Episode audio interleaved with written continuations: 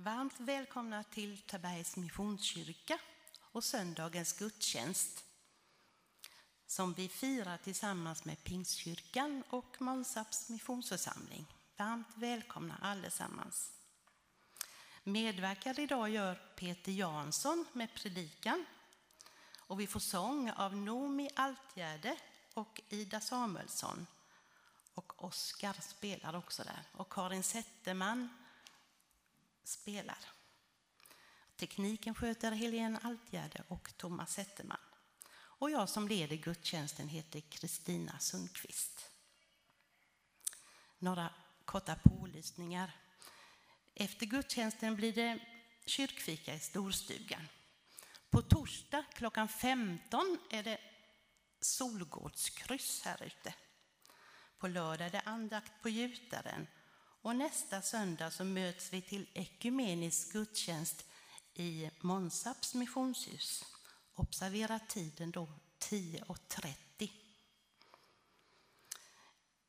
Idag på Kristi förklaringsdag så lyssna till Saltasalmen 89, verserna 12 till 18.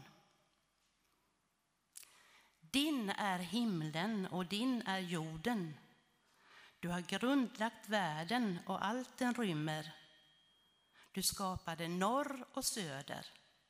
Tabor och Hermon jublar över dig. Din arm är full av kraft. Din hand är segerrik och stark. På rätt och rättfärdighet vilar din tron. Nåd och trofasthet finns hos dig. Lyckligt är folk som vet att hylla dig. Herre, de får vandra i ditt ansiktes ljus. De gläder sig ständigt över ditt namn och jublar över din rättfärdighet. Ty du är deras styrka och glans. Vi ber. Tack Jesus att vi får samlas till gudstjänst här idag. Vi ber om välsignelse över dem som medverkar och alla som lyssnar. Vi lägger oss och hela gudstjänsten i dina händer. Amen.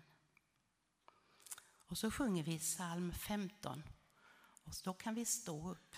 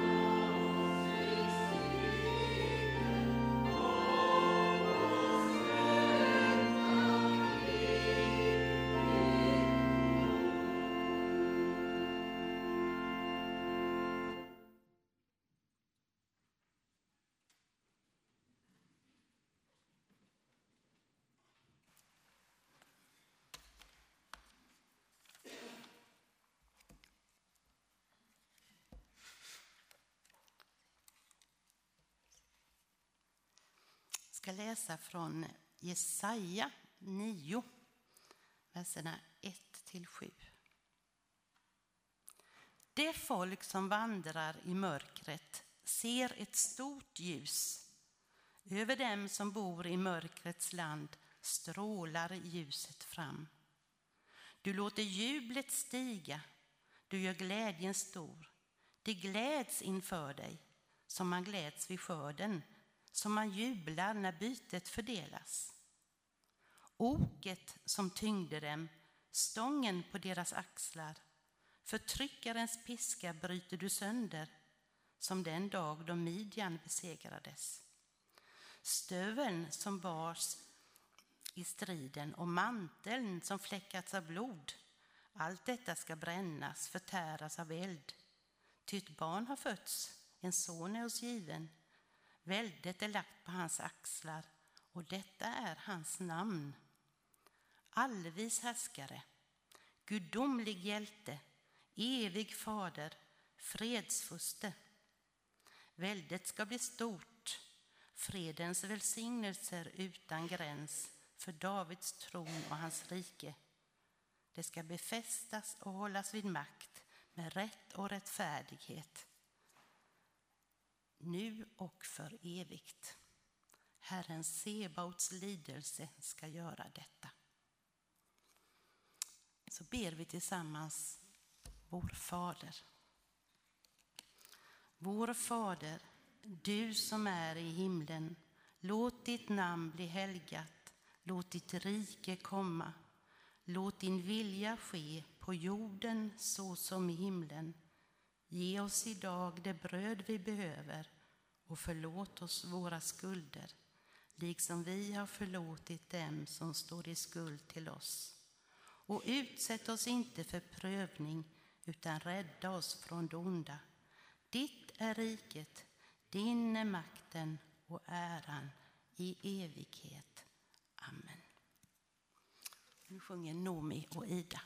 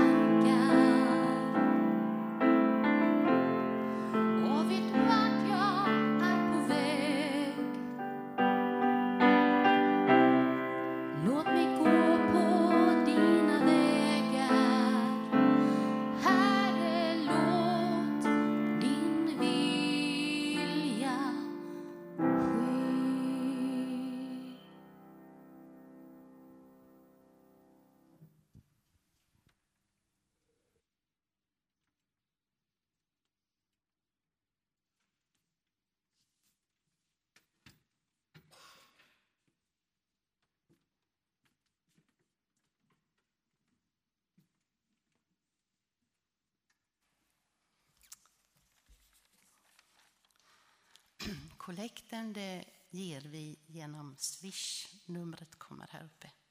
Men har du kontanter så kan du ge det när du går ut sedan. Vi ber. Tack Gud för vår möjlighet att ge till ditt verk här i Taberg och ute i världen. Och vi ber om din välsignelse över gåvorna. Amen. Så sjunger vi psalm 47.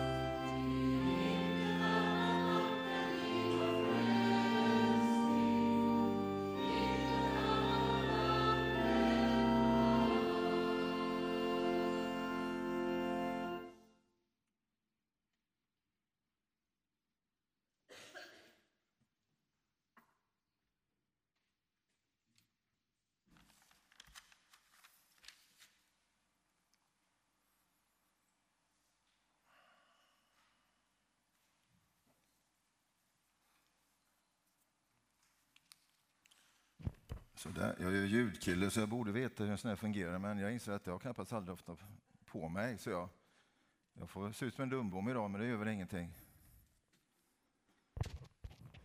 Eh, ja, jag tror jag fick den på rätt. Jag hoppas det. I hög i alla fall, det är viktigast.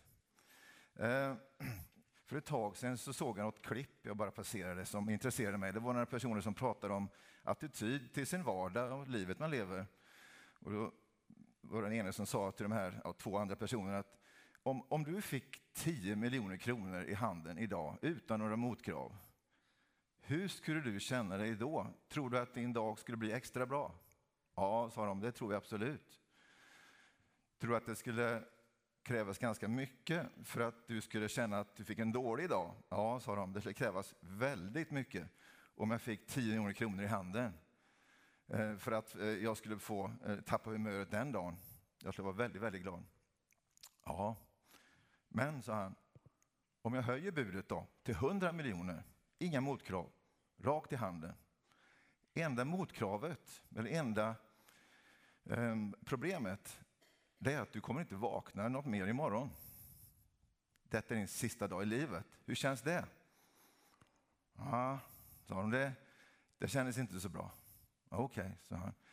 Så du menar att få vakna imorgon, hoppet om att få vakna imorgon är värt mer än 100 miljoner för er? Ja, sa de, faktiskt, det är det. Så har vi inte tänkt på det, sa de. Ja, nej, sa han. Det kan ju vara så att man släpas upp på morgonen och man är trött och man ska till jobbet och tycker det bara är allmänt jobbigt. Ja, så det, det är faktiskt en, en tanke. Och det är väl så, hoppet om, så att säga, hopp, vad vi tror på om vår framtid påverkar ju hur vi lever nu.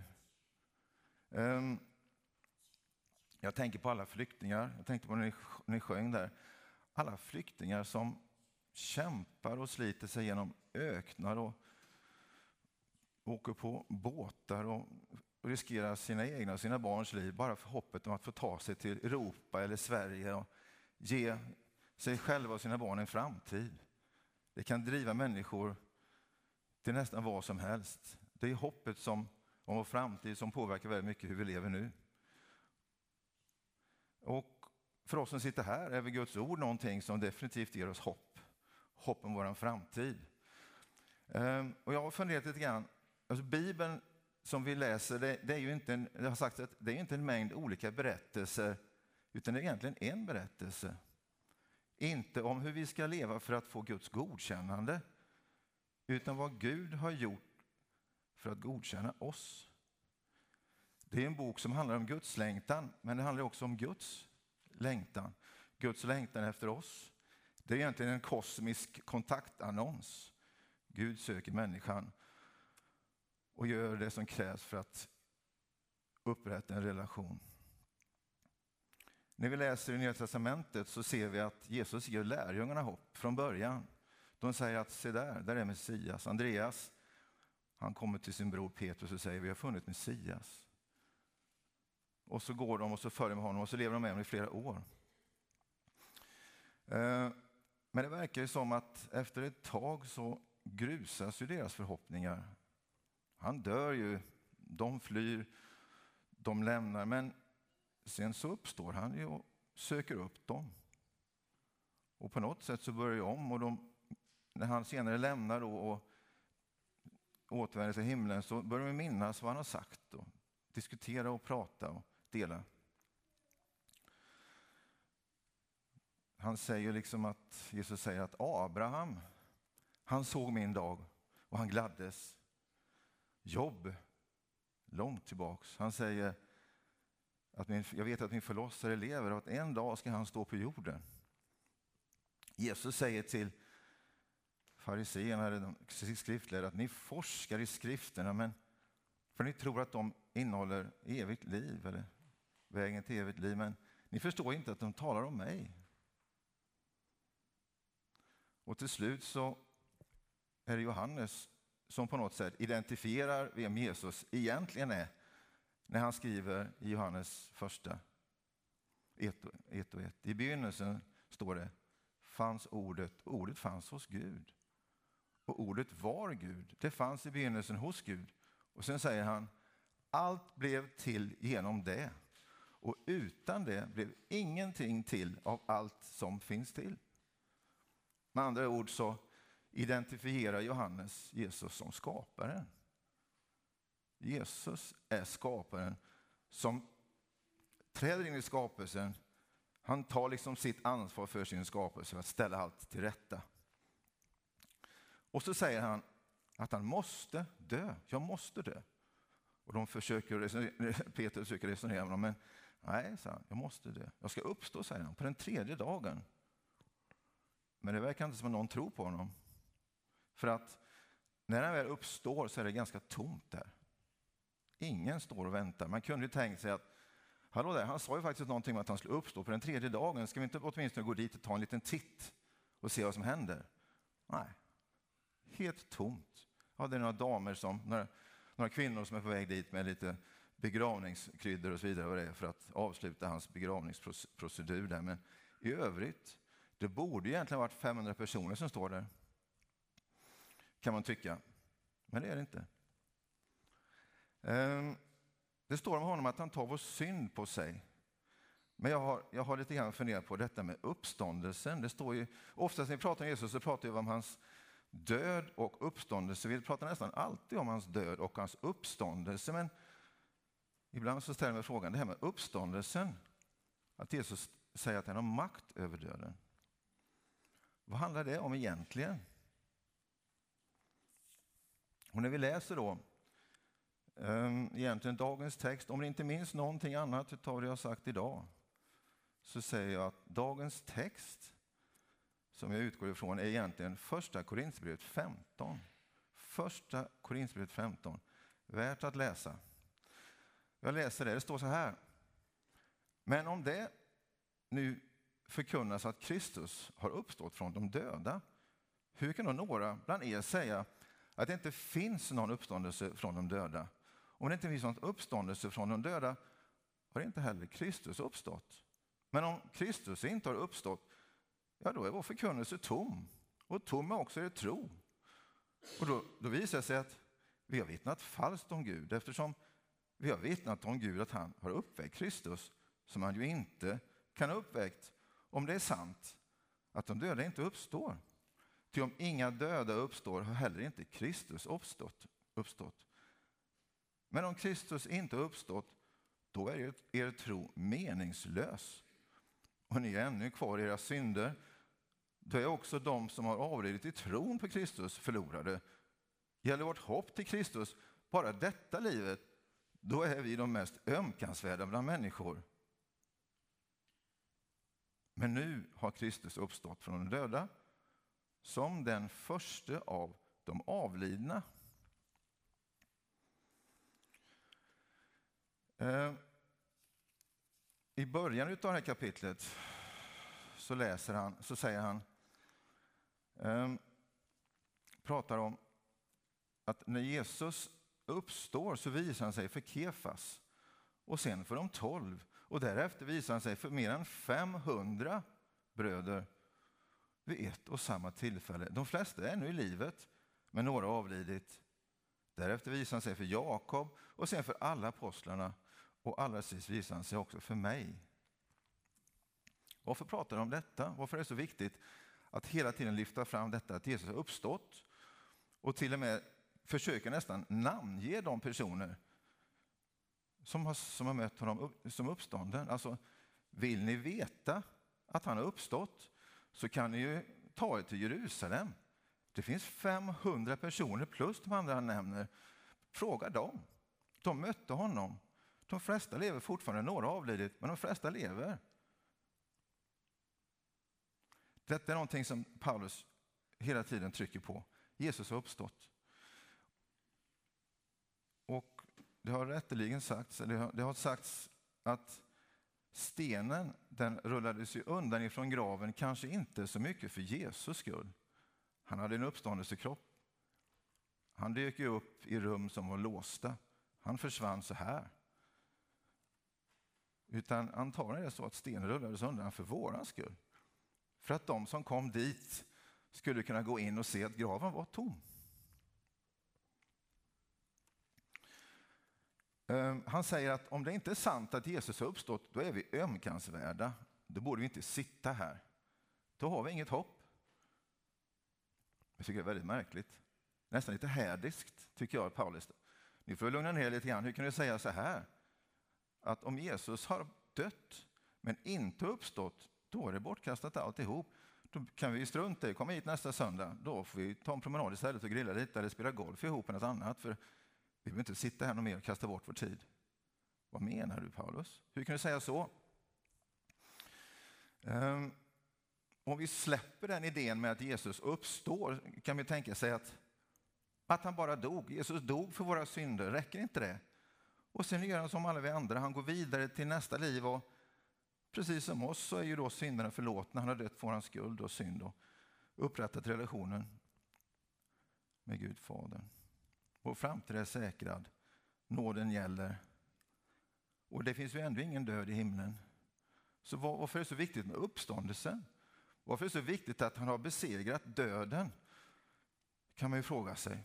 Det har jag lite grann funderat på. Varför är, varför är det så viktigt för vårt hopp? Ehm, I samma kapitel, första Korinthierbrevet 15, vers 50, så pratar Paulus ganska mycket och berättar om uppståndelsekroppen som vi ska få. Ehm, han säger att blod, kött och blod kan inte ärva Guds rike och det förgängliga kan inte ärva oförgänglighet. Vad jag nu säger är ett mysterium. Vi ska inte alla dö, men vi ska alla förvandlas i ett nu, på ett ögonblick, vid den sista basunens ljud. Till den kommer att ljuda och då uppstår de döda i oförgänglig, i oförgänglig gestalt. Och vi förvandlas.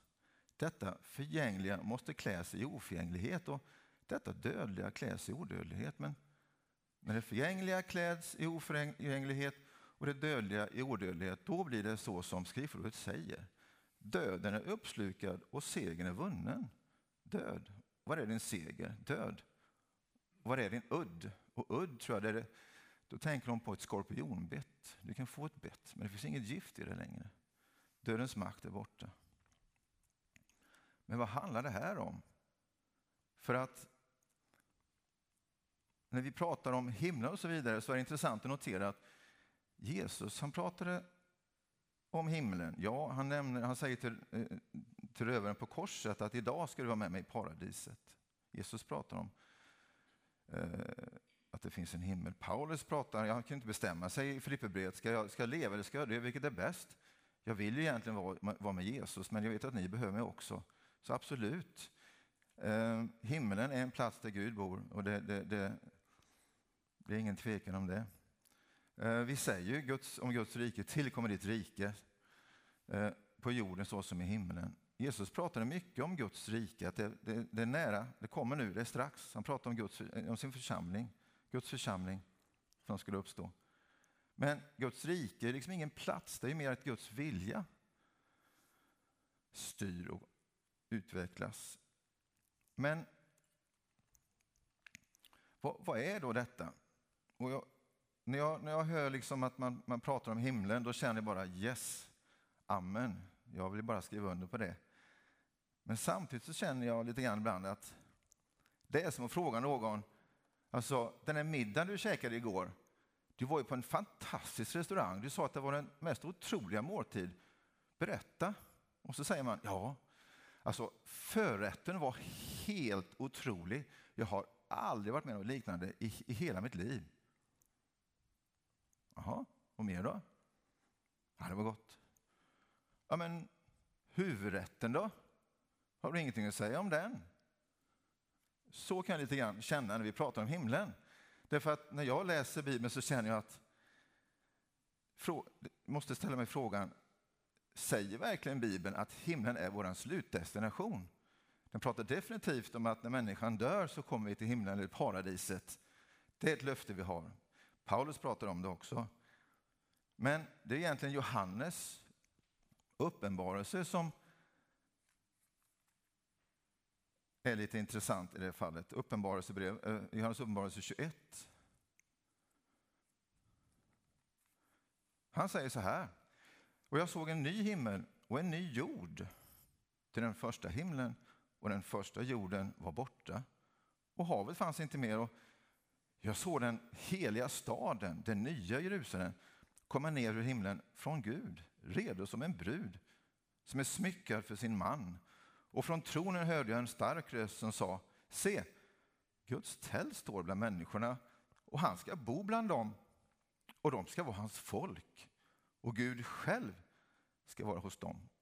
Och han ska torka alla tårar från deras ögon. Döden ska inte finnas mer och ingen sorg och ingen klagan och ingen smärta ska finnas mer. För det som en gång var, det är borta.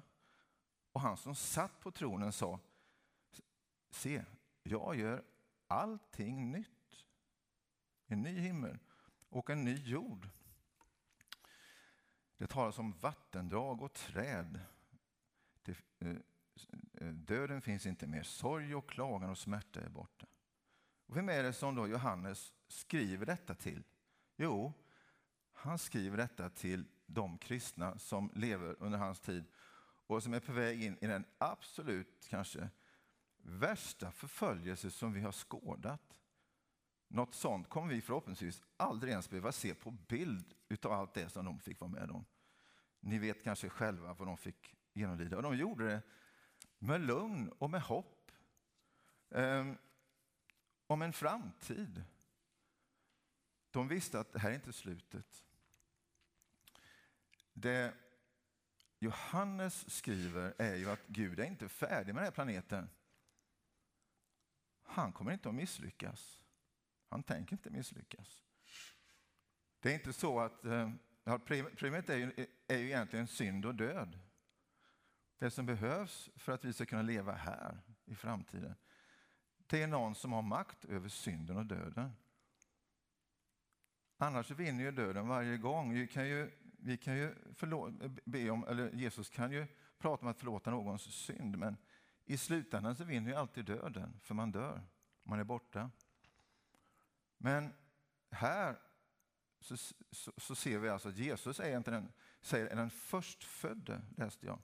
Den första av de som ska komma. Gud har ju en plan att ge alla en uppståndelsekropp. Och jag kan inte se att vi behöver en uppståndelsekropp i himlen. Utan den vi behöver den till, det är ju vår existens i framtiden här. Jesus är första frukten, står det, den första av många.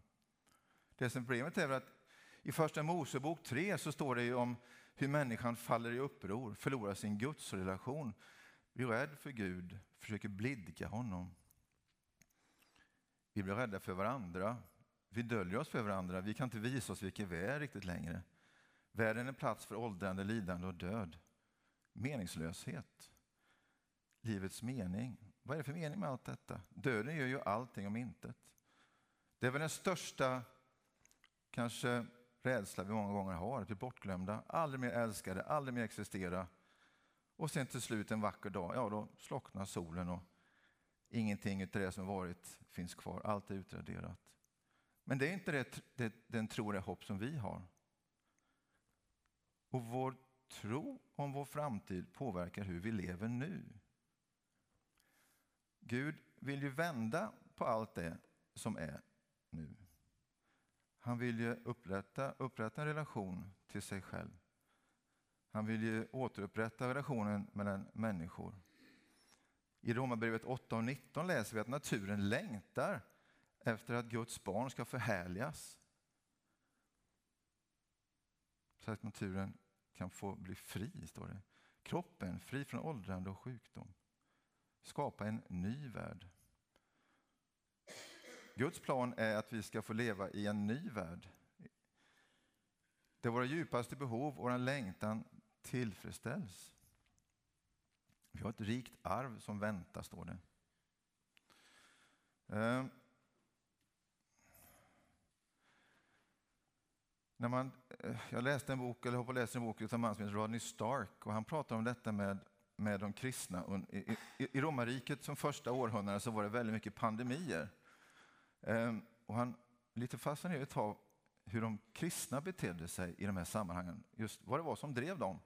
För att när pandemierna svepte genom romarriket så Alltså det var enorma pandemier, som, alltså tusentals människor dog dagligen och man lämnade alla städerna, man ville inte vara kvar. Alla hedningarna, liksom, ja, man lämnade bara stan och de som var sjuka fick klara sig bäst de kunde. Men de kristna sa ju det att nej, så kan vi inte göra. Vi kan inte bara överge människor. Vi kan inte överge våra bröder och systrar på det sättet. De stannade kvar. Och många och vårdade och tog hand om de som var sjuka. Och det räckte ju många gånger för att de, de skulle få en chans till överlevnad. Och inte bara att de tog hand om de kristna, sina bröder och systrar, utan de tog hand om hedningar också, sina grannar och andra. Och många av dem avled på grund av detta. De blev själva smittade och så vidare. Men det som hände var att med tiden då så, så, så när folk frisknade till och kom tillbaka så insåg de att vilka var de här egentligen, de här människorna? De här Kristustron, galileerna som de sa. Vilka, vilka, är de egentligen? Till och med kejsaren skriver om det. Att, ja, inte bara att de tar hand om sina egna, de tar hand om vårt folk också. Vilka är de? Och det är liksom frågan, vad, vad är det för hopp som egentligen drev de här människorna? Alltså de var villiga att offra sitt liv. Alla andra lämnade stan så fort de kunde för att ha en chans att överleva. Men de här människorna, de valde att stanna kvar. Och de gav, ja, satte sin egen hälsa på spel och dog. Ehm, de hade ett starkt, starkt hopp att det är inte bara det här livet som lever nu som, som vi har eh, till buds, utan det finns en framtid. Det finns en uppståndelse, det finns ett liv som väntar oss. Gud planerar så otroligt mycket för oss. En relation med honom som är helt obegränsad. Jag läser bara som avslutning då, lite grann ifrån Efesierbrevet här. Eh, då skriver här, han så här att jag ber att vår, eh, vår Herre Jesus Kristus, Gud, härlighetens fader, ska ge er en vishetens och uppenbarelsens ande som låter er få kunskap om honom. Må han ge ert inre öga ljus så att ni kan se vilket hopp han har kallat oss till. Vilket rikt och härligt arv han ger oss bland de heliga. Hur väldig hans styrka är för oss som tror. Samma oerhörda kraft som han med sin makt lät verka i, i Kristus när han uppväckte honom från de döda och satte honom på sin högra sida i himlen, högt över alla härskare och makter och krafter och herravälden, över alla namn som finns att nämna. Såväl i denna tiden som i den kommande. Allt hade han under hans fötter och honom som är huvudet över allting gjorde han till huvud för kyrkan, som är hans kropp, fullheten av honom som helt uppfyller allt. Vi ber. Tack Herre för ditt ord. Tack för din omtanke om oss, din kärlek. Tack att du är den som har sökt oss. Att du längtar efter människan, att du längtar efter en gemenskap. Tack att du vill ge oss hopp. Att du vill ge den här världen hopp. I all miljöförstöring och krig och hopplöshet och flyktingströmmar och allt annat som som människor kämpar med. Tack att vi har ett hopp att förmedla. En framtid i en värld som är helt styrd av dig, en rättfärdig värld där vi vet att din vilja kommer att ske och ditt rike kommer att komma. I Jesu namn. Amen.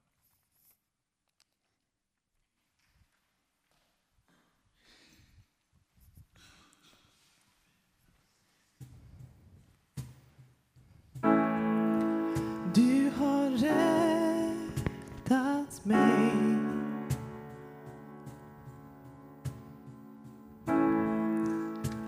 Alltid funnits här.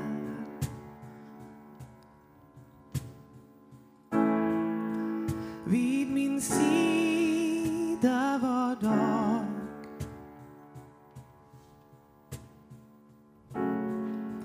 Av din